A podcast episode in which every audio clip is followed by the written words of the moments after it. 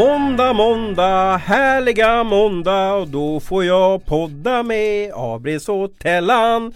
Det är så fantastiskt, måndag, måndag. Ja, sångrösten kanske inte är den bästa men igen, det bästa jag vet varje vecka det är att få sitta här i Schibstedhuset och prata med Hans Abrahamsson och Mikael Tellqvist. Vad heter ni andra namn för övrigt? Börje. Börje och Tellan? Karl.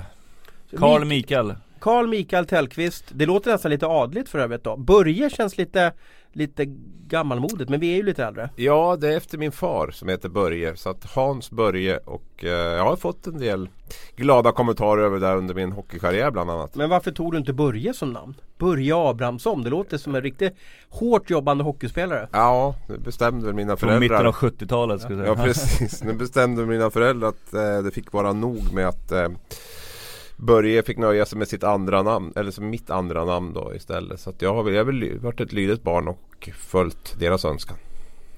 Ja, vi börjar närma oss jul också och SHL är ju inne. Vi har nästan kommit halvvägs in i SHL. Det går ju oerhört snabbt nu och matcherna avlöser varandra. Vi går ju in i den här äh, mörka november med nästan tre matcher per vecka och eh, det har ju rasat in nyförvärv och hemvändare till SHL bland annat. Och äh, Abris, om jag rabblar upp Mikael Lindqvist, Axel Jonsson Fjällby, Filip Sandberg och ja, även Karl Persson, Jonathan Davidsson. Vad tänker du då på? Skitkul tänker jag spontant. Ja. Eh, jätteroligt att få hem de här namnen. Jag känner att jag Vad är röda tråden då om vi, om vi informerar våra eh, Ja du lyssnare? menar så. Ja det är ju spelare som har eh, tagit chan- eller eh, försökt tagit chansen att slå sig in i NHL som inte har lyckats med det och som har återvänt till SHL istället för att spela i AHL. Korrekt. Och eh, igen, jag tror att vi hade ungefär 30 rookiekontrakt den här säsongen som skrevs från spelare som lämnade svensk hockey och gick över till eh, Nordamerika och de som tog plats var alltså då Rasmus Dahlin, Per Lindholm, Elias Pettersson och delvis Kristoffer En. Elias Andersson lite upp och ner. Det vill säga det är oerhört svårt att åka över till Nordamerika och ta, och ta plats i världens bästa NHL. Uh, eh, men de har alltså valt många att komma hem. Nu kan man säga att man kan inte klumpa ihop de här utan man måste kolla på varje enskild spelare vad som har hänt. Men vi, vi kommer väl generalisera lite i alla fall. De har valt, eller klubben har valt att det är bättre att du åker hem. Och Tellqvist, det är ju fantastiskt att ha med dig här. Eh, Du har ju gjort exakt samma resa och berätta lite hur det var när du lämnade Djurgården som svensk mästare och du hade också då eh, spelat i landslaget redan. Det vill säga att du hade en ganska bra VM. CV, VM också. Du hade en bra CV och eh, lutar emot. Vad hände när du kom till Toronto?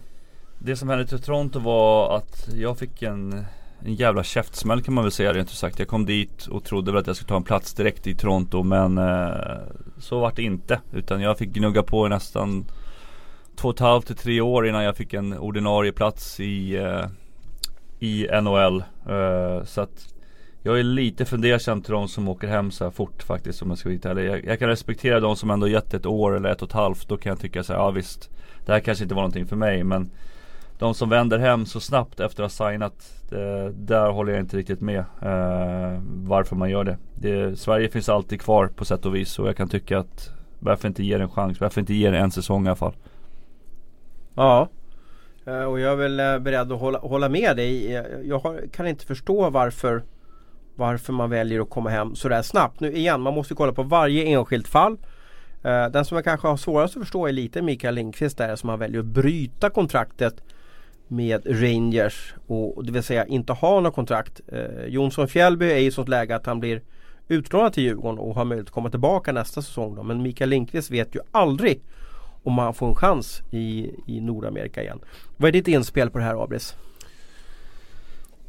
Eh, att man definitivt inte förbättrar sina möjligheter om man, om man åker hem som, som free agent som, som Lindqvist var. Det, det tror jag inte. Samtidigt så har jag stor respekt för att eh, det måste vara upp till varje individ och person att välja själv vilken resa man, man vill göra. Men jag, jag är väl lite, jag, man skulle önska att, att man gick igenom lite mer innan man skriver på. Hur, hur beredd är jag på det här? Hur mycket är jag beredd att kämpa? Är det inte bättre att jag är hemma ett år till och eh, försöker etablera mig ännu mer i SHL än vad jag har gjort? Lex Per Lindholm. Ja, lite åt det hållet. Och det jag skulle vilja säga är att ska du ta en plats offensivt i, NHL så skulle jag vilja påstå att du behöver hålla Elias Pettersson, Oskar Lindblom klass. Alltså du bör vara rejält dominant i SHL. Eh, vinna poängligan i princip, spela VM eh, som en av få europeiska spelare. Då tror jag att du är ganska så säker på att, på att ta en plats topp 6 forwards i, i NHL. Oskar Lindblom fick ju gå via AHL trots att han var en av de bästa spelarna i, i SHL. Så att där någonstans ligger ribban och det tycker jag nog att eh, man bör inse innan man åker över. Sen finns det alltid undantag. Jesper Bratt ett sådant undantag till exempel. Så det går att ta den vägen men, men chansen skulle jag vilja påstå är väldigt liten. Men det jag stör mig på, jag tycker också att det är kul att de här spelarna kommer hem till SHL, det är inte det. Men jag, för deras egna karriärer. Jag vet, Rosen gjorde ju en intervju här med Micke Lindqvist och han säger så här, jag körde fast i farmaligan. Alltså farmarligans säsong börjar den 6 oktober tror jag, 6 eller 7 Så det, vi snackar en månad han är borta, fyra veckor Då har man inte kört fast kan jag tycka. Plus att, jag menar han spelade ganska bra också. Han spelade ganska mycket. Han bor i Hartford vilket är en helt okej okay stad att bo i om man jämför med farmarlagsmässigt. Uh, som du säger, han, han tar, eller tar ska man säga, han fick en signing bonus som han inte behöver 90 000, 92 000 dollar Som man inte behöver lägga tillbaka. Hur stor risk är att Rangers kommer signa honom igen? Alltså hur, menar, han måste behöva ha en likadan säsong som han hade förra året för att en NHL-klubb kommer få upp ögonen.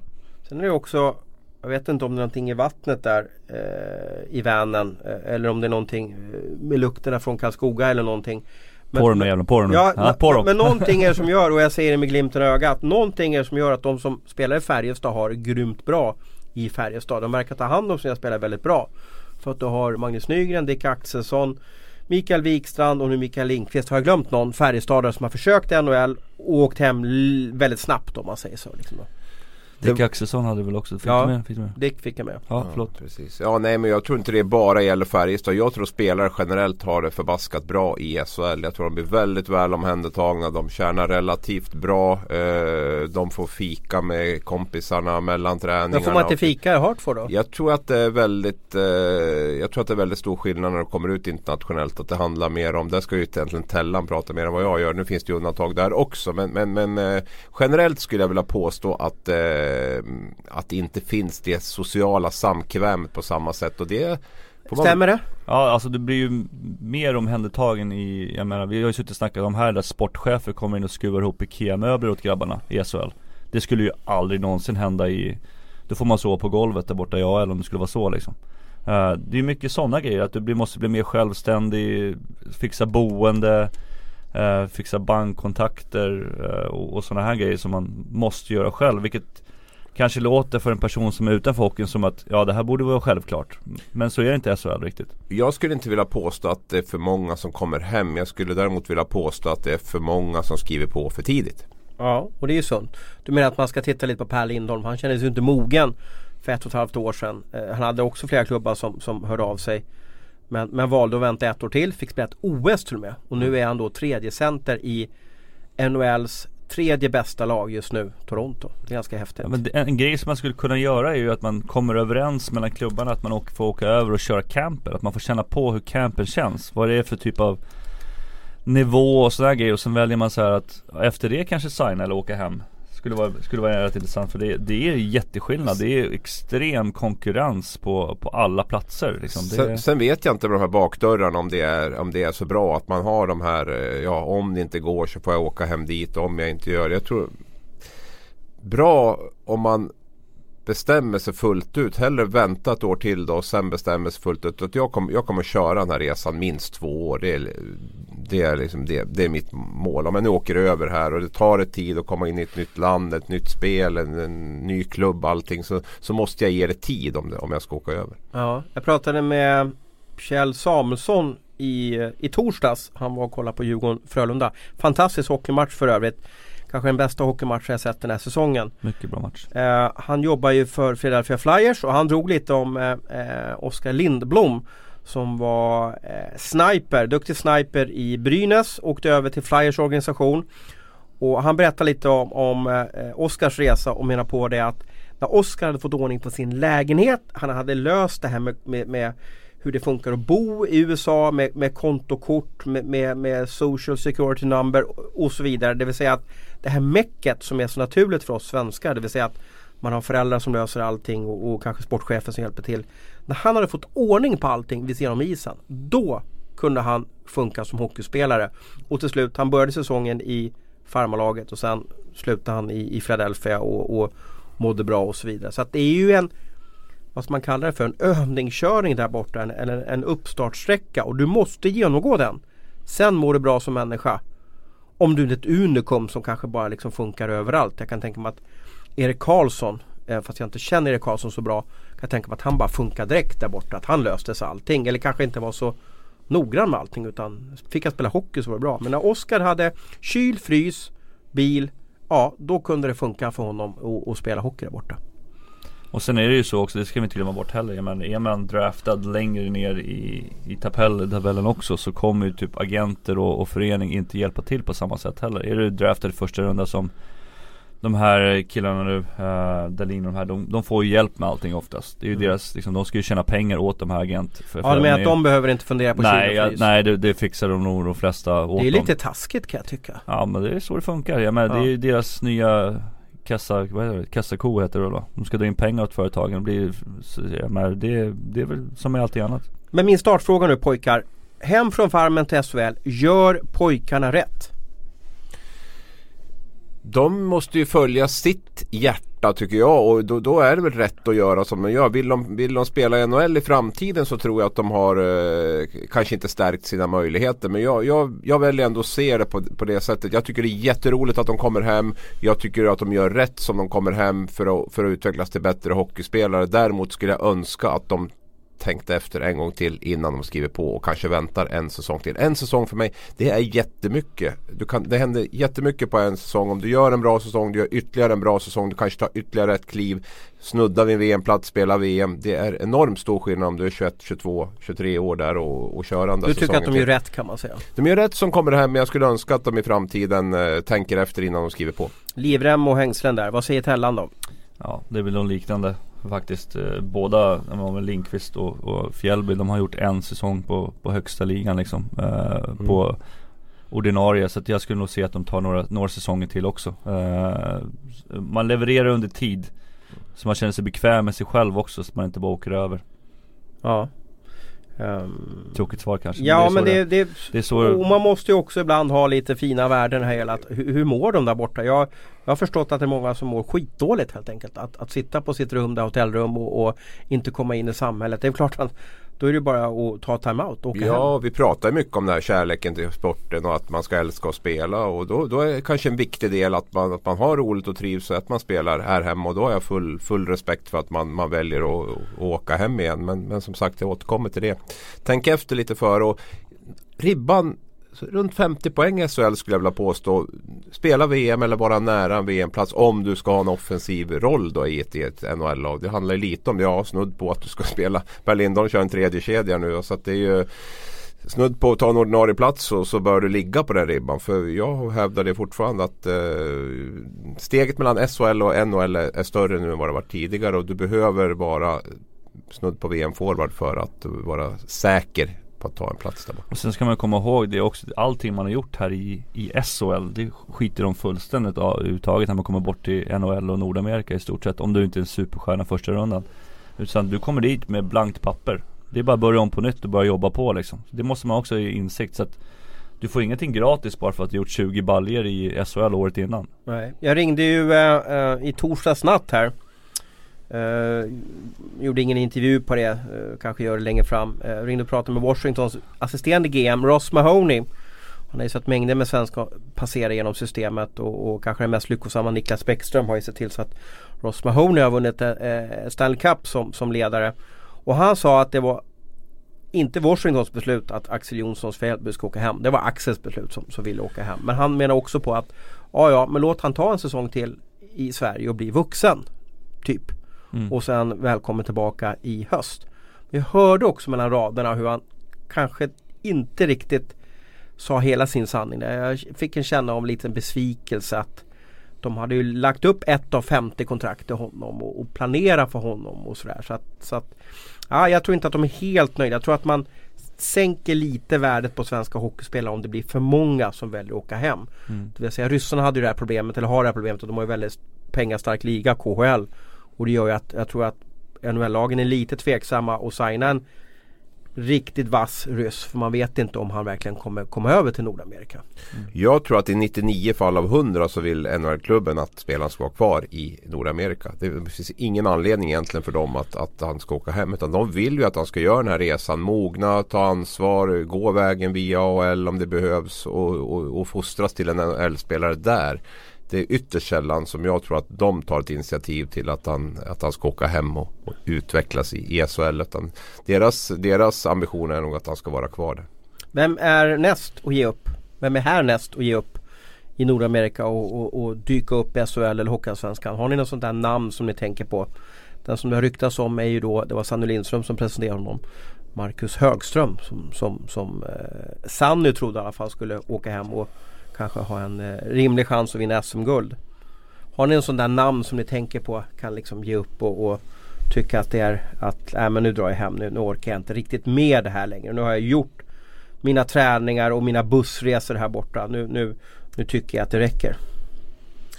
Jag försökte prata här så länge som möjligt så att ni skulle så kunna kan go googla upp så ni kan googla och sådär va, liksom då. För jag tar en del på uppstuds, det ska ni veta. Men det är bara Ja. för att de här pojkarna ska- är ska proffs. De här, om- ska, de här jobbar med hockey på heltid. Men om man ska, om man, om man ska prata om Högström då så, så jag menar, han har gått igenom en jävligt tuff period nu med opererat ryggen och, och sådana grejer. Men vi är, ju, vi är ju nära vänner också så att jag, jag tror ju att han kommer köra på där borta. Även fast det finns chans. Det är ju alltid så här, alla lag har ju chans att vinna om det är det du menar, komma hem och vinna SM-guld. Men eh, jag tror att han kommer ge det här året eh, och sen får man se då. Sen tror jag att Djurgården är där och rycker igen. Det tror jag definitivt att de vill eh, få hem honom för det är väl, är det någonting som behöver få in lite mer spets i Djurgården så kanske det är backsidan som behöver få in någonting då för att för att hypa upp det. Så att jag tror Djurgården är nog superintresserad av att få hem honom men eh, frågan är om han är det. Funderar lite på en sån som Juuso Ikonen till exempel då, som spelar i, i Hershey där och eh, tror det är två eller tre poäng han har gjort och spelat elva matcher där. Eh, det är väl en sån spelare som man känner spontant skulle kunna vända tillbaka och eh, göra nytta i, i, i många SHL-lag. Ja. Vad har du själv då? Ja. Eller tog du inte den uppsatsen själv? Jo då, jag har kikat lite på det. Ja, det finns ju oerhört många svenskar i, i farmaligan. Det finns cirka 5-6 stycken i East Coast Hockey League. Vad är, vad är det för liga, eh, Tellan? Ja det är farmarligan till farmarligan. Och vad, vad håller den på för no, nivå ungefär? Hur, hur funkar det att vara där nere? Oh, jag vet faktiskt inte riktigt vad det håller på för nummer men jag vet att många klubbar gillar ju att skicka sina målvakter dit för att stoppa pucken kan man göra i vilken liga som helst, det spelar inte så stor roll men eh, Jag tror att det är lite mer Lite mer partyfest, lite mer, Ja, lite mer avslappnat in- Robin in- Press kom ju därifrån förra året Såg Eh, en intervju med Carl Persson där han kallar träningarna för ett skämt nere i East Coast Hockey League. Då. Så, så att eh, där bör man inte vara om man har ambitioner som att bli en riktigt bra spelare hävdar jag. Mm. Jag sitter och kollar lite snabbt här vilka namn som, som kan tänkas åka hem och jag Ja, jag vet inte. Den som ligger väldigt nära att bli upplockad efteråt det är ju Lawrence Pilot och som gör succé. Han har gjort 22 poäng. Helt fantastiskt. 22 poäng som back. På, på 15 matcher. Han, han kommer ju ändå från en miljö i, i HV71 där han var, blev alltså vald till bäste back i SHL. Så han tror jag inte kommer hem. Eh, ja, jag, jag drar nog till med att Jonathan Dahlén kommer hem. Jag, jag får en känsla av att att, att eh, han ligger nog på Utica där och, och funderar på det. Men låt mig bli, bli utlånad en säsong till och så är jag mer mogen när jag kommer tillbaka. Han har 11 poäng på 17 matcher. Minus 5. Eh, jag tror att Kent Norberg ligger på ganska mycket där. Eh, han har flickvän också Jonathan och, och man funderar på kanske hur de, hur de trivs och så vidare. Så jag säger väl Dahlén. Jag, jag, det beror på lite hur hans trivsel är och det är bara han som kan, kan svara på en sån sak. Då. Sen har du ju liksom, du har ju spelare som Borgman, Martinsson, eh, alltså det finns ju de här Se- Sebastian Aho. Du har ju också han som har tragglat på där ett, ett tag nu, Axel Holmström. I Detroits organisation så att säga, så man inte vet liksom riktigt vad som händer. Eh, Linus Ölund där, Brynäscentern, vad tror du om honom då? Pratade lite hastigt med en, eh, en scout där från eh, Pittsburgh och eh, det fick väl inte intrycket av att han var på väg hem. Nej, han, han, han eh, Ganska målmedveten kille som jag känner honom och lite småtjurig och sådär. Jag, jag tror att han har bestämt sig för att göra den här resan och eh, jag tror det fanns en anledning också att han åkte över redan i år och, och ville starta upp den. Så att det verkar väldigt konstigt om man ska bryta det nu men, men större, mer förvånande saker har visserligen hänt. Men jag tror inte det. Jag har ett namn här. Mario Kempe. Ja, men verkar inte han trivas där borta? Han känns som att han är, är, är sorglös och älskar hockeyn och, och sådär liksom då. Vet inte, spelar pengar roll här Tellan? Spelar det roll vad man tjänar i Farmen? Jag vet inte vad han har för kontrakt om man ska veta om han har envägskontrakt eller inte. Eh, faktiskt. Eh, men han är ju han är ju trots allt 30 år. Han kommer från KL. Hur sugen är han att sitta och åka runt i, i buss i Tucson i Arizona liksom? Eh, och sådana grejer. Jag vet inte hur nära de är. De, de har gått ganska bra Phoenix år jämfört med, med för, föregående år. Så att jag menar, det, det skulle kunna vara ett namn. För mig känns ju Mario Kempe som en spelare som väljer andra ligor i Europa om man kommer hem. Men, men jag kan ha fel där. Men ändå bara nio, nio poäng på, på åtta matcher. Det är ju mm. ganska bra kan jag tycka. Känns som en Växjövärvning att komma in och så bara dominera. Ja, sen, sen, vet man ju inte. Han har ändå varit uppe fyra matcher i, i Arizona så att han är, han är ju på, på gränsen där också. Noll poäng visserligen i Arizona. Men, men han gjorde 18 matcher i Arizona i fjol där och så har han bara en timmas flyg till brorsan i, i Los Angeles där då. Men ja, vi får se hur, hur, han, hur han väljer. Det är ju inte helt fel eh, ställe att vara på heller Tucson eller, eller var är Phoenix. Du har ju själv varit där. Det är väl inte så fy skam. Nej, Tucson är väl inte riktigt li lika bra men uh, det är klart det är varmt och skönt så är det. Men allt, allting är inte över det. Det var ju lite roligt att jag sa Juuso Ikonen. Du frågade efter svenska spelare som skulle komma hem. Ja men vi tar Ikonen känns ju som halvsvensk i alla fall. Ja, han pratar ju bra svenska. Nu ska jag passa ja, mig så att jag hamnar i den här språk, alltså. Eh, finländska språk eh, Då kan man bli sågad. Ja, då kan man hamna väldigt, väldigt risigt på det. Det har alltså gått eh, 18 och 19 matcher av SHL. Eh, Hockeyallsvenskan ligger också där i närheten. Och eh, någonting som man, man, kan dra en, en snabb slutsats av eller på är att SHL är riktigt jämn. Jag vet inte om jag har fog att säga rekordjämn. Men just nu är det alltså då 10 lag inom 7 poäng. Och vi har spelat en tredjedel av serien. Mikael Tellqvist, är serien jämnbra eller jämndålig? Och hur analyserar du att serien är väldigt jämn? Jag, jag gillar ju när serien är jämn. Jag, alltså, det gör nog alla ja. men, men Ja, ställ frågan. Var det, var det något mer eller? Ja, men, få in? Nej men jag, jag fortsätter. Men, hur, hur, hur tänker du på när du ser tabellen? Varför är det inte lag som drar iväg?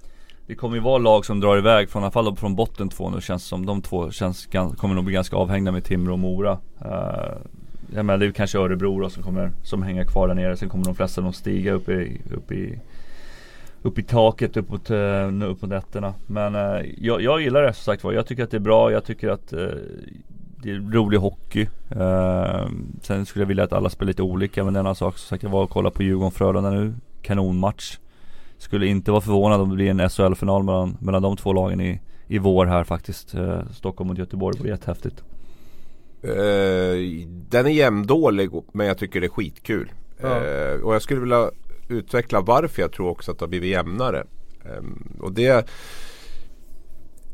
om man tittar på allsvenskan, alltså SHL har ju en väldigt så demokratisk utdelning av sina eh, finanser. Det spelar, bortsett från den här fallskärmen då som, som, som laget som går upp ska betala till laget som åker ut så delas det ju rakt av. Det spelar ingen roll om det är Karlskrona eller om det är storklubben Frölunda eller Djurgården. Alla får lika mycket pengar oavsett placering i tabellen och oavsett hur mycket tv tittare de har och så.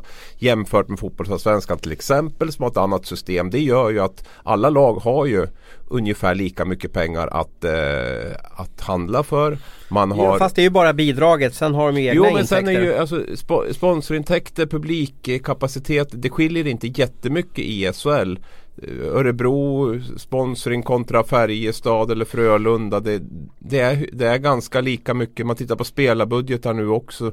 Det har ju tryckts ihop mycket också. När vi började med det här så var det ju några klubbar som hade mycket mer att handla för. Nu skulle jag vilja påstå att ja, säg Brynäs då som ligger 10 och Växjö som vann förra året. Jag tror inte det skiljer mycket i spelarbudget om jag ska vara ärlig där. Men utan de flesta ligger mellan 30 och 40 miljoner? Ja, de ligger väl snarare över 40, skulle runt 40 skulle jag vilja påstå att de ligger i, i spelarbudget. Det beror lite på hur man räknar men, men eh, det är många lag som, jag tror Örebro och Brynäs är där uppe och, och, och nosar på 40 miljoner definitivt. Och, och, det är inga som har stuckit iväg heller och har 60-70 miljoner utan det, det, är väldigt jämnt där och det, det tror jag också gör. Och det är samma spelare lite grann som man slåss om. Det, det är eh, man får ta det som blir ledigt efter NHL och KHL och eh, ungefär lika mycket pengar att handla för. Så det tror jag gör att eh, tabellen trycks ihop och eh, för min del tycker jag att det är kul att det Jo men det så är det väl. Alltså en, en, eh, vi leker med tanken att Timrå och Mora skulle liksom bli avsågade nu så är det absolut det värsta för dig med Abris. För att då är det liksom, då finns det ingen streckdramatik.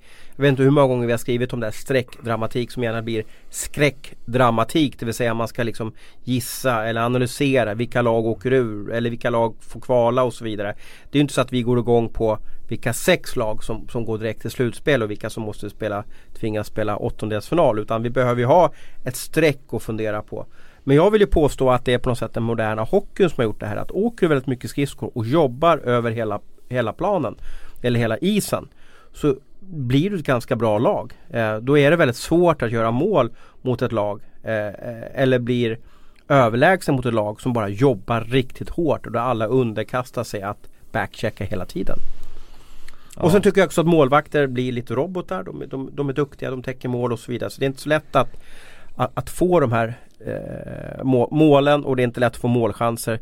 Jag, kan inte, jag vet inte när jag såg en 2 mot 1 eller 2 mot 0 i SHL senast. Mm. Ja, det, det, som man ser skillnaden var ju nu i den här landslagsturneringen, de som kom från SHL, att de, det skiljer lite i, i teknisk kunskap om man möter ryssarna och sådana grejer kan jag tycka.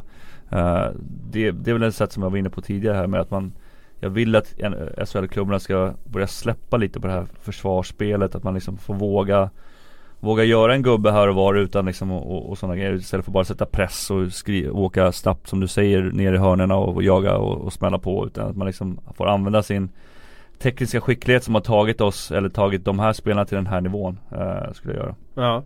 Uh, vilket lag tror ni då? Nu, nu, vi har ju varit kritiska mot Växjö. De är bara fyra poäng från tabelltoppen. Rögle har gjort en fin resa. De är bara sex poäng från tabelltoppen.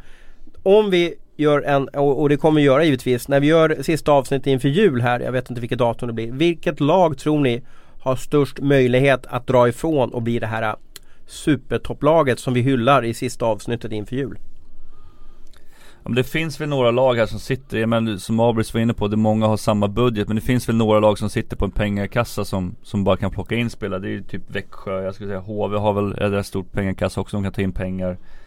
Uh, Frölunda till viss del har väl en, en bra pengakassa Men uh, så jag, jag, tror att Växjö kommer, kommer dra på här nu. Uh, De kommer värva till sig spelare innan Innan eh, Men vad finns det att värva då? Alltså, du... Jag tror att de tittar på, på de här som vi var inne på tidigare här AHL-spelarna Är de så duktiga då så att de kan liksom lyfta ett lag verkligen? Ja, det, det tror jag. Uh, vi, Abels var inne på att ligan inte håller, håller så pass hög nivå så varför skulle de inte kunna komma in och leverera på, på den här nivån? Jag tror inte att det finns något lag som kommer att dra undan fram till jul. Det lag jag skulle kunna tänka mig är ju Djurgården i så fall. Men där är ju skadorna på Josefsson, Dick Axelsson precis på väg tillbaka. Fjällby, Fjällby och Davidsson inte riktigt igång än. Om de skulle få igång hela sitt maskineri så tror jag att de har största potentialen. Men, men nu ser det inte riktigt ut så. Josefsson blir nog borta en fyra, fem matcher till här. Fjällby Davidsson-kedjan tycker jag inte har varit jättebra på slutet. Engqvist borta. Dick Axelsson gör comeback nu på torsdag. Tar säkert ett tag. Så att, men annars är väl det laget som jag tycker har, har störst kapacitet. Life is made up of many gorgeous moments. Cherish them all, big and small, with Blue Nile. Whether it's for yourself or a loved one, Blue Nile's unrivaled selection of expertly crafted fine jewelry and statement pieces help make all your moments sparkle. Blue Nile's experts are on hand to guide you, and their diamond guarantee ensures you get the highest quality at the best price. Celebrate a life well lived in the most radiant way and save up to 30% at BlueNile.com. That's BlueNile.com.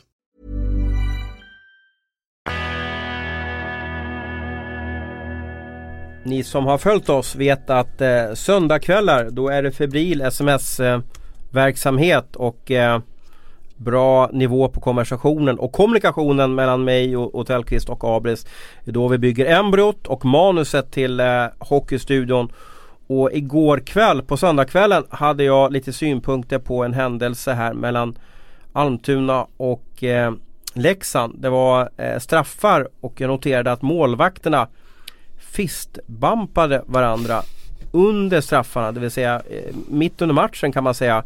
Eh, och Tellan, du kan väl först förklara vad är fist bump? För, för det, det, är alltså inget snuskigt utan det är någonting som, som hockeyspelare främst gör väldigt ofta. Men ni gnäller ju på mig att vi inte ska snacka målvakten. Nu sitter vi ändå att, är det bara när vi pratar skit om målvakten ska vi prata om målvakten? Nej, det här är väl ingen skit. Det är väl sätt att jag, jag, jag, jag la ut det här på sociala medier igår. Jag märkte att det var många som tyckte att det var vackert och var gulligt. Men igen, vad är fist bump för något? Ja men det är väl en typ av uh, mini high five fast med, med plockhandsken. Ja, för det är svårt säga. att göra high five med, med, med, med målvaktshandskar eller, eller hockeyhandskar. Och, och då väljer man att forma Forma på något sätt eh, ja, näven som en, eh, ja, som en näve kan man säga, som en knytnäve och sen så hälsar man på varandra. Eh, varför gör målvakter så här att man boostar varandra mitt under en match? Eh, varför gör man så? Ja, nu var det ju ett klipp här som du hade sett från, eh, jag tror inte att det alls att det föregår i varenda match. Men var det här unikt det vi såg eller var, var, var eller? Eh, jag, hade, jag har inte gjort det men eh, däremot så har jag sett ibland att man kan säga liksom, ja, snygg räddning eller någonting. Det får man väl tycka. Ja. Eller? Uh, jag, jag, vad, jag, vet, jag vad vill du komma med nej, det här? Jag tyckte, vad, jag, vi, vi, vi frågade, tycker du att det är okej okay att de gör så? Ja, varför inte? Så länge Men mitt under en match, det är ju en motståndare. Jag ser hellre sagt att man inte tackar för matchen efter matchen. Det är sådana grejer Fast som då jag, är det ju liksom, ja, då men det är sådana grejer som jag stör mig på Då är ju kriget mycket. över. Ja, och då ska man åka till omklädningsrum. För det, vet, det är det värsta som finns. Om man har förlorat en match så ska man åka och titta på motståndaren som åker och hånler liksom. Ja. Då brinner det i skallen kan jag tala om. Är inte det fint att man tackar varandra ja, efter det tycker jag också. Nej, jag vi säger ju när, när vi har gjort vår podd och ska gå härifrån Då säger ju vi hej då och tack för idag. Ja men vi, vi, ja, vi jobbar ju tillsammans Ja samma. men ändå så har vi haft någon typ av, av, av battle här inne i alla fall Går du och tackar eh, Nyström på Expressen om han skriver en bra krönika? Jag kan nog säga att det är fin krönika i alla fall. Men tillbaka till målvakten. men vänta nu, men, men innebär, innebär, det här att, innebär det här att inför matchen har, har, ni, har, har ni fruktstund och, och mys också? Byter ni om ihop målvakterna i samma omklädningsrum inför en match? Det som har varit målvakternas styrka under en lång tid är ju att vi har delat med oss av information med varandra. Man brukar säga att målvakter men, men, och läkare berättar, brukar... Du berättar för en motståndarmålvakt var dina lagkamrater skjuter någonstans eller? Nej det gör man inte, men däremot så, så finns det ju ett, en målvaktsunion i Sverige där alla målvaktstränare och bland annat pratar ihop sig Är det något offentligt eller är det liksom någon, no, vad som man kallar för något no, speciellt sällskap inom som lite någon order det här som ni träffas då eller? Vi, ska dö vi kan döpa det till någonting. Nej men alltså är det, en, är det en öppen union eller är det bara att Nej, men det man är, är också polare? För, det är också för att man ska dela med sig och utveckla sig själv också. Eh, En som sagt var, en annan vet du, grupp som håller på så här är ju läkare. De tar med sig massa andra personer in och försöker lära sig av varandra och sådana grejer. Och det är därför jag tror målvaktsspelet har utvecklats så mycket för att man är villig att dela med sig av sina egna erfarenheter och hur man ska tänka i olika situationer. Sen naturligtvis under match så tycker jag inte man ska hjälpa varandra men däremot efter match och sådana grejer kan man kan få lite bollar lite grann. Det tycker jag bara är en fin grej.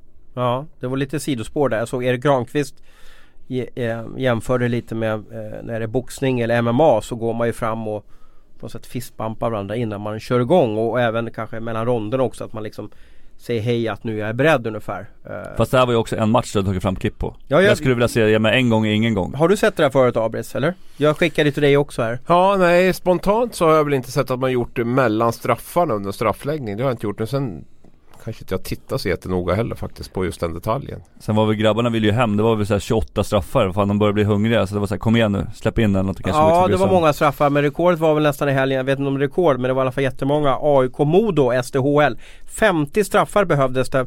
Eh, snabbt innan vi går vidare. Varför är det så få straffar som jag uppfattar i alla fall SDHL och SHL och Hockeyallsvenskan som blir mål? Många olika anledningar men jag tror rent generellt att man kanske tränar alldeles för lite på just den här speciella, men det är ju trots allt en extra poäng. Visst man lägger ofta straffar i slutet av träningen men då brukar det vara lite så halvblajigt. Jag skulle nog säga att man bryter kanske till och med mitt i träningen ibland och får lite tävlingsmoment i det. Det är många eh, poäng som står på spel. Absolut, det är det. Men har du, är du, har du bra straffskyttar och en bra målvakt som är bra på straffar så kan du klättra rejält i tabellen. Uh, men som sagt var, det vet ju Abris också som har spelat. Ofta så lägger man straffar i slutet av träningen när det är lite halvblajigt, man åker från blålinjen in. Uh, utan uh, jag skulle nog se att man gör det lite mer seriöst, att man kanske gör det till och med i början av träningen. Eller någonstans mitt i. Sen vet jag inte heller vad är normal vad är normal procent att göra mål på straffar? Har vi, har vi någon sån siffra? Jag gissar 33 procent. Ja, jag tänker ju att målvakterna får ju ju större och större. Vi kanske tappar eh, den här riktiga spetsen som, som vi har tappat ändå. Som, som normalt sett är duktiga på den där eh, på den detaljen. Sen hjälper det säkert inte till att isarna är i ganska dåligt skick också när det är dags för Det var ju dit jag försöker komma. Man Jaha. skrapar inte isen och man spolar inte isen. Och det här är ju för att givetvis att matcherna inte ska bli för utdragna. Men är det schysst mot, mot en duktig straffläggare och, och behöva lägga en straff i, i, på sorbet-is? Men jag kan göra ett sidospår till här bara för att fortsätta. Målvakterna, i alla fall jag gjorde och jag vet att många målvakter också, sitter och kollar på alla straffskyttar på video. Ja, innan, gör det alltså? Innan match, så man har bra koll Men hur vet du vilka hur många, som ska hur många, hur många utespelare sitter och kollar på de sista 15-20 straffarna som har lagts på, mot en målvakt till exempel innan man ska lägga? Ja. Det tror inte jag är lika många. Så att de, de har inte liksom riktigt eh, Riktigt koll på nej. vad målvakten är. Sen tror jag att många tittar liksom rent generellt på under matcherna vad man är dålig på. Men det är väldigt skillnad på straff och under match. Utan eh, går man tillbaka och tittar på de 15-20 kanske Om det finns så många senaste straffarna som har lagts mot den här målvakten så kan man nog hitta någon Rent generellt på vad den här målvakten brukar släppa in puckar. Mm. Sen är ju naturligtvis isen är dålig beroende på var man är någonstans och det måste också. hur tänker du, alltså om isen är dålig och det är ju nu efter de har spelat tre perioder plus förlängning. Hur tänker du, eller hur tänkte du när du mötte en straffskytt? Alltså du vet ju om att han har väldigt svårt att göra en väldigt snabb dragning.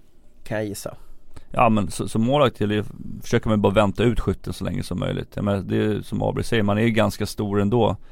Uh, det som jag försökte göra var ju att stå ganska brett. Så att egentligen var det som jag försökte lura med att skjuta mellan benen. Kan man okay. säga. För det är det som står ganska brett och täcker Nu såg jag målvaktsposition här, det är sagt vad det är podd så det är svårt att visa. Men få fram händerna eh, mot skytten, ta bort vinkeln från pucken och eh, stå ganska brett med benen. För att jag menar, då skulle han skjuta då så behöver jag bara egentligen täcka mellan benen. Ja. Vilken straff upplever du med din rutin är den svåraste att ta? Rent Svår, generellt alltså? Svårast är när man kommer in från en vinkel Alltså man från kommer in från alltså sidan, från toppcirkel och så bryter liksom in Man kör diagonalt genom centrallinjen som man snackar om som okay. går i mitten av målet upp mot rödlinjen Ska man åka snabbt eller långsamt? Man ska variera farten Så okay. att du kommer in långsamt, ökar eller och så stannar till och sen går eller någonting okay. lite innebandyaktigt kan, kan man säga Ja, så? man får inte stanna helt och hållet ska man nog inte göra men, men hur ska man göra sen då? Är, är, är, det, är det att bara gå liksom en, en backhand upp i nättaket via den här farten? Eller ska man liksom för oss vända om? Eller vad, vad är svårast för målvakt? Det du försöker få, få målvakten att göra är ju att han ska röra sig hela tiden. Till exempel om du åker in och sen stannar, då fortsätter ju ofta målvakten tillbaka och då öppnas det ju upp luckor till exempel. Ja. Uh, för att han fortsätter naturligtvis tillbaka, för målvakten vill ju ha lite fart på skridskorna så att han skulle kunna vara med om det blir en dragning eller inte. Det är väldigt sällan man ser den Fredrik Pettersson straffen eh, från VM 2013 när han dunkar på slagskott. Ja men det är ju sån här straff som när, när den går in så är det ju asläckert men Skulle man göra det i SHL nu så skulle en av fyra träffat mitt på benskyddet Så skulle du sitta här och skriva en kö, hur fan kunde han skjuta den här Vilken idiot ja, ja, precis. Ja men det är inte det bra för då, det händer ju sällan Oj, vad fan sköt han? För att man som målvakt är man väl lite ofokuserad i början och sen så när, oj Fan där smällde det till, jag var ju inte riktigt med Nej Sorry. Abris. Var det någon som såg Rickard Palmbergs mål igår förresten? Nej Nej, Timrå Han drog han drog den på, på volley. Stenhårt i krysset. Alltså det var studspuck som han drog på volley och det var stenhårt rätt. Det var inte ens halvvolley utan det kändes som att det var en klockren volley. Det, det var ett spektakulärt mål kan jag säga. Den, eh, den var jag imponerad av. Ja, Snyggt. Få den hårdheten på, på en volleypuck från, från rätt bra avstånd. Det var Alsenfelt hade inte en eh, keps på den. En 300 meters drive i golf, bara ja. så man känner att träffa mitt i sweet spoten Ja det var som Fredrik Pettersson lite, det var därför jag halkade in på den Fast det, den är ju, den är ju helt den är på, Den är unik också för att det är den situationen ja, det var två unika så, Men båda satt i kryss och båda var en rejäl baksving kan vi säga. Fast det här är en jättebra övergång, jag, jag ska förklara det efter. Ja, vi pratar om eh, Palmberg och Timrå IK Eh, Timrå IK gjorde ju eh, ett nyförvärv här för, för tio dagar sedan under landslagsuppehållet. Johannes Salmonsson eh, kom in till laget och eh, jag hävdar att det var en bra värvning av, av Timrå och när vi rankade eh, eller körde en klassisk flipp och flopplista förra veckan eh, med, med Virtanen och, och Virta och Viktor Svedberg och Johannes Salmonsson. Vem var det mer? Det var ett namn till som jag hade där också. Ta det på uppstuds var det femte namnet var som hade kommit in där i. Har du nämnt Örebrocentern där eller? Nej det har jag inte gjort. Nej, Virta. Jo, Virta. Ja Virta, Virta, Virta har jag nämnt. Ja men då ja. var det väl Karl Persson kanske. Karl typ, Persson kanske ja. Och, och, jag tyckte att Johannes Salmonsson var intressant och bra värvning. Men vi ska lyssna lite på vad, vad vad du sa Abris. Vi ska ta fram ljudfilen här så ska ni få lyssna på vad Hans Abrahamsson tyckte om Johannes Salomonsson. Det är ju ska vara helt Men han, han har ju så lite som krävs för att det ska bli succé. Alltså... Jo men vad behöver Timrå? Timrå behöver ju få in spets. De, behöver få in, alltså, de har ju en ganska stor mängd forwards. Nu jo, men de både... behöver stabilitet också. De har varit väldigt svaga bakåt också tycker jag. Jo, men de behöver producerande spelare. Jag, det Timrå behöver ha in är ju, är ju spets. Nu vet jag att det inte är jättelätt att hitta sådana spelare. Fast, jag vet att är, inte tuff, och... är inte det tufft att liksom klanka på honom där riktigt? För jag menar, han ändå ska göra 20 poäng per säsong. Det är det man räknar om honom liksom då. Jo, men nu menar... Då, då, då menar du kanske nubben du ska vara kritisk Det är den värvning jag förstår minst av. Alltså på det sättet sättet. Och jag förstår att de behöver bredda truppen lite grann. Olofsson och Hollander försvinner bort där. Guter har försvunnit. Så jag förstår att de behöver få in en forward och jag vet att marknaden inte är jättestor. Men, men det jag får minst puls och det jag liksom ser minst eh, poäng i att värva är ju Johannes Salomonsson till Timbro. Ja. Det jag ser minst poäng i att värva är Johannes Holmonsson eh, till Timrå. Och nu, det har bara gått en väldigt kort tid. Det är tre matcher som har spelats och efter två matcher så hade han samma poängsnitt i SHL den här säsongen som Victor Las. Det vill säga 2,0 och eh, nu vart han poänglös mot Malmö på, på söndag. Men han har gjort fyra poäng på tre matcher. Och Abris, vad är det du har satt på dig för något?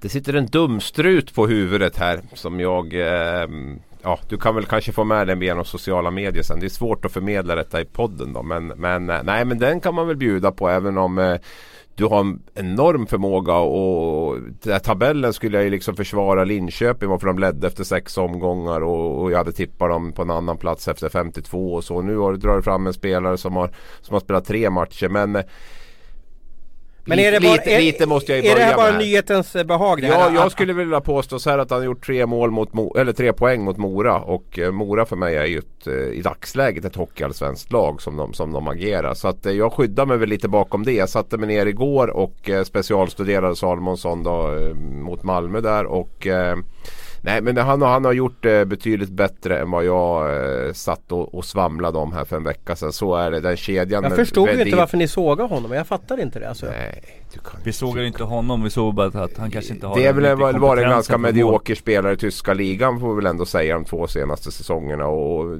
jag vet inte om det säger något om, om nivån på ett sätt. Då. Men han har hittat en bra kemi där med Mårten Madsen och, och Anton Vedin. Vedin har ju haft en jäkligt bra höst med, med eh, med eh, lands, landslagsspel och känns ju den som driver Timrå på, på, på, många sätt här nu. Så som sagt fick göra tre poäng Salomonsson mot Mora där. Vi får se nu då mot Malmö igår lite tuffare. Vart han poänglös så vi får väl se om det håller i sig. Men eh, den här starten var ju precis det han behövde i alla fall och fick komma in och producera. Det måste ju ha varit en enorm självförtroende boost för honom och eh, Ja, det kan ju visa sig vara en viktig seger mot Mora framöver här och där var han ju högst delaktig i alla fall. Får ju spela i Timrås toppkedja också med Anton Vendin då som gjorde landskampsdebut här så att han har en bra omgivning också. Och jag, jag trodde inte han skulle komma så högt upp i hierarkin. Nu är ju Timrå, om man kollar på deras kedjor, kanske lite svårt att avgöra vad som är en första kedja och en, och en tredje kedja. Fjärde kedja är lite lättare men, men det känns som att de har tre, ja lite jämngrå måste jag säga, eh, kedjor där. Men det är ju en lång säsong. Eh, vi får se med fysen med Salomonsson, det som inte har spelat på länge. Men hittills så tyckte jag ändå att jag hade lite rätt förra veckan. Eh, kan ni vara så ödmjuka så att ni håller med om det? Ja, du hade ju mycket, mycket, mycket mer rätt än vad vi hade. Det är bara att vika sig direkt. Så det, det har jag inga problem alls med. Om vi tittar på, eh, på den här första veckan här så får ju, är det ju dumstrut big time på. Ja, nej men jag håller med. Men eh, vi behåller väl den där dumstruten till framöver. Så får vi se när, när säsongen ska sammanfattas. Sen får man ju säga Virtanen har ju varit nyttig för Djurgården. Framförallt nu när de saknar eh, Josefsson. Och Alfa har gjort två mål, två viktiga mål. Mm. Och grym tekare. Ja, han, han var inne mot Frölunda väldigt många viktiga tekningar ja. på slutet. Den tog ju alla i stort sett i, i slutet i egen zon och, och offensivt också. Så att eh, där, Djurgården verkar ha gjort en riktigt bra värvning av honom. Men vi gör väl bokslut efter, inte 52 omgångar utan efter hela säsongen. Eh, för att eh, går eh, Salomonsson poänglös i ett kval mot Oskarshamn eller någonting. Då har han inte levererat när han, han ska leverera.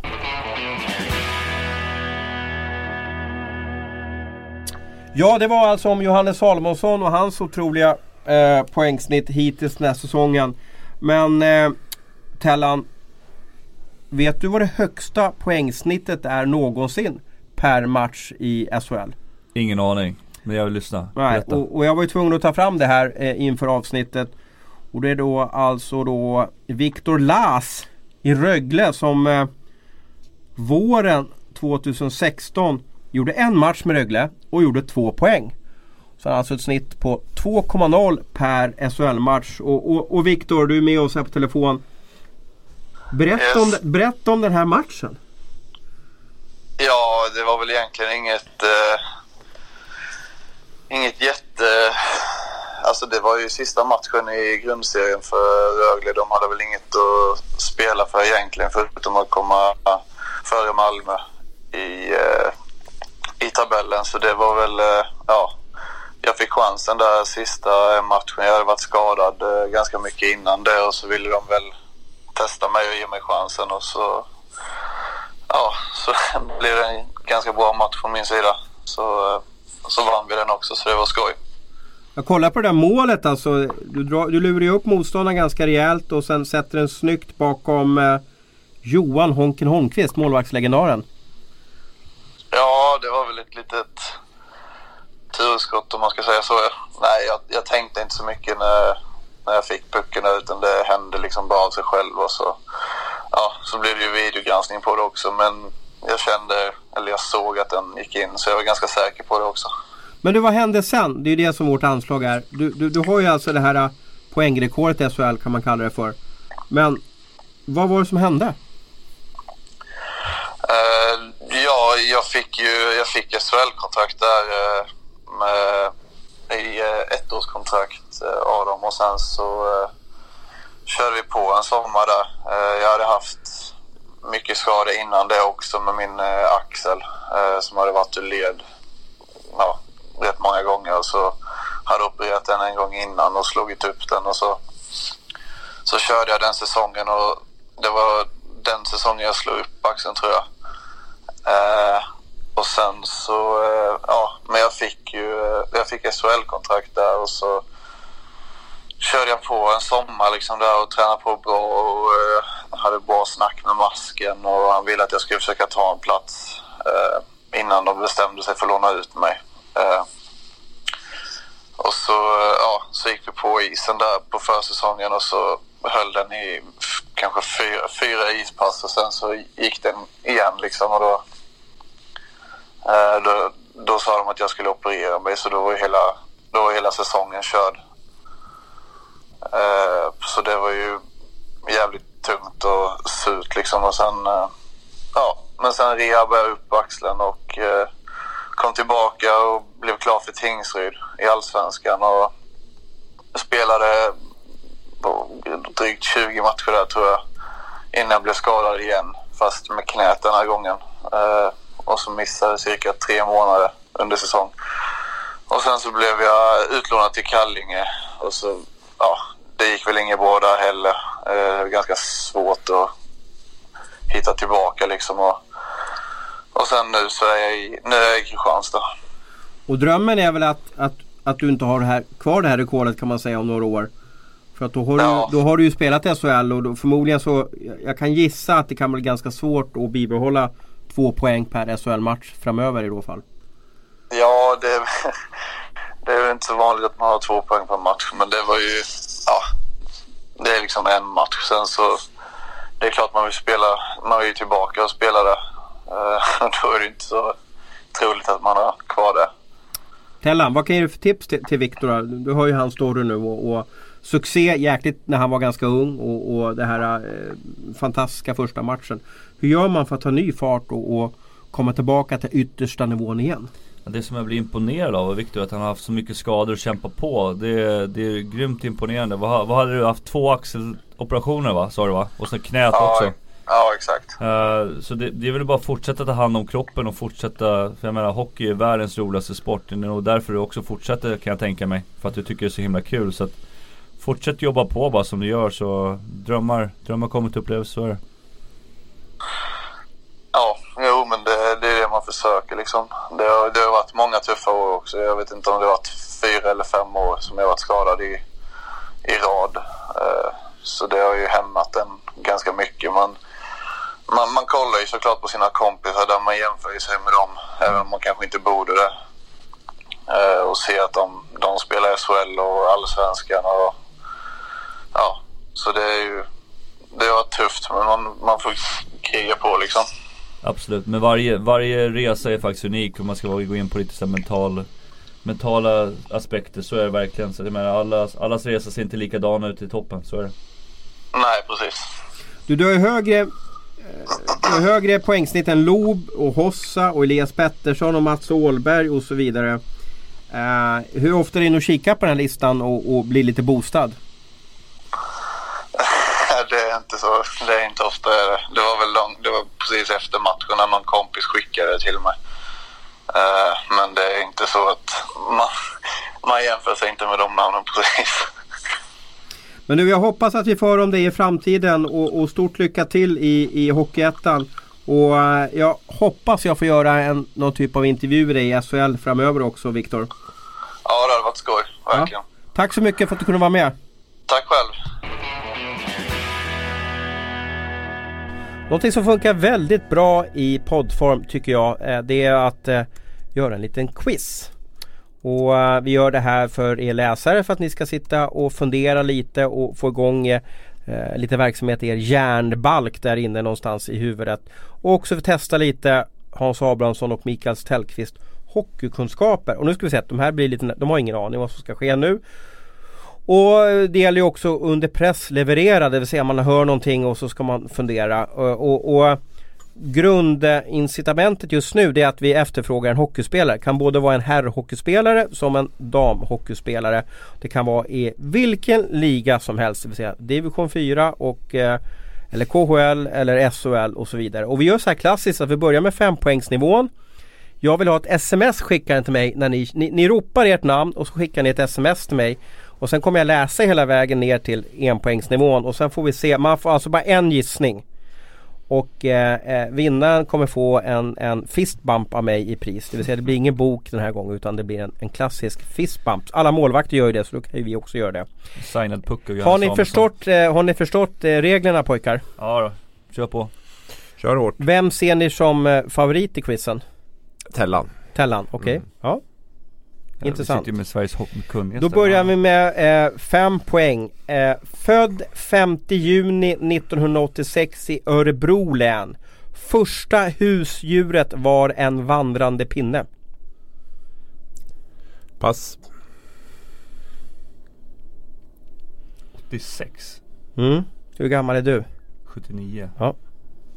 Nej, pass. Fyra poäng.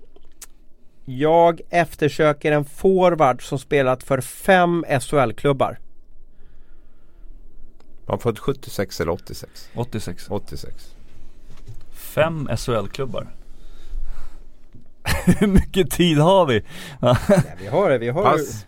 Det här är lite roligt för de som sitter i bilen nu eller är ute på löparrundan och får också fundera. Så att det här är ju lite kul att, att, att ja, tänka. Det står helt stilla. Det står helt stilla. Ja. Ska, vill ni höra tre poäng?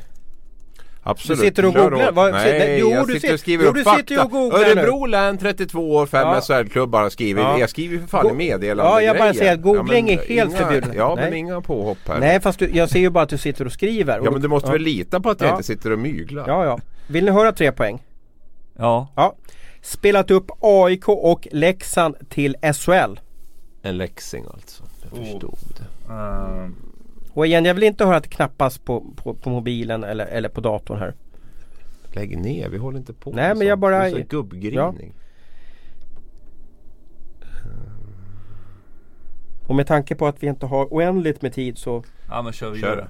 Ni kan inte ens på tre poäng. Nej men inte ens! Jag, jag hade tagit det här på fem poäng. Ja, jo, vandrande pinne. Eh, två poäng. Efternamnet för tankarna till udda tåiga hovdjuret noshörning. Kan du läsa den igen? Efter... Nu blev det På spåret här känner jag.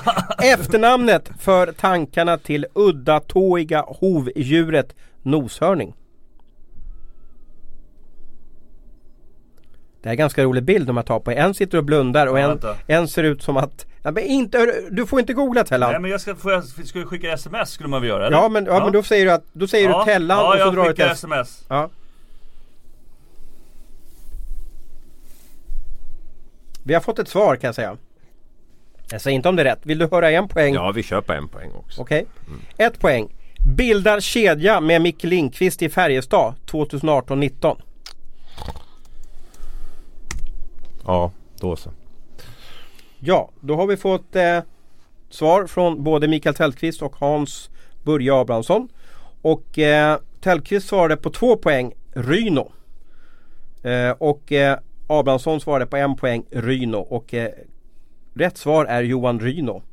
Ja, grattis Tellan. Då får du en fistbump här. Tack! Ja. Kan behöva. Vad, vad sa de om det här? Vad var det som var lurigt? Du kliar i ögonen här Abris. Jag tog det på vet du, noshörningen, det Var är det som så?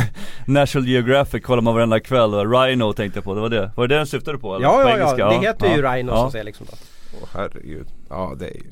Kollar du är inte På nivå. spåret eller? Nej, jo på spåret ser jag men inte National Geographic det kan jag säga. Och så är jag halvt knackig på engelska också. Ja. ja, Du, ja. du tror, du tror så, fort, så fort det är en läxing som någon som har spelat i Leksand då vet man alla vem det är på liksom Leksand och AIK också. Alltså, om jag- Leksand och AIK Ja, också. Om jag, hade, om jag hade sagt så här då. Född 5 juni 1986 i Hallsberg. Hade ni tagit den då? Ja jag vet ju att moderklubben är Hallsberg där och eh, Det, det jag funderade på, vilket jag tyckte var lite lätt. Det var ju att Örebro har inte producerat så många duktiga hockeyspelare. Det var Ja. det jag tänkte på att om ni, men nu igen, ni är pressade och ni sitter i en Ja. studio och det är live här på något sätt. Så jag förstår ju att ni är nervösa. Men om man tänker på det, det finns ju inte så många hockeyspelare som kommer från Örebro. Som är 31 år. Nej. Det är Kolan och det är Ryno i stort sett som jag kan tänka på. Vad var fjärde också? Vad, vad läste du där? Forward som spelat för fem SHL-klubbar.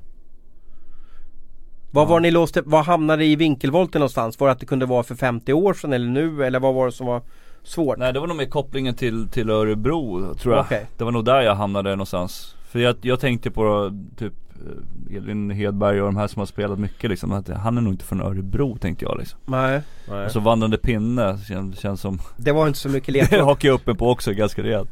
Kåberg är väl därifrån trakterna också någonstans. Han det? Ja precis ja, precis ja. Ja. Men du kul, det här, ska vi fortsätta med det här? Ska jag lägga ner lite tid på? Jag vet inte hur roligt lyssnarna tycker det är bara. Ja vi kan väl se, vi får väl Okej, De tycker om att vi Nya, det här var ett nytt moment, det var alltså en quiz. Eh, ni vet ju var, ni, var vi finns på sociala medier. Skriv någonting där om ni tyckte det här var fnissigt och kul så ska vi lägga ner lite tid och eh, fortsätta med det här. Eh, och nästa vecka kanske du vill genomföra en quiz Abis och ge igen lite här.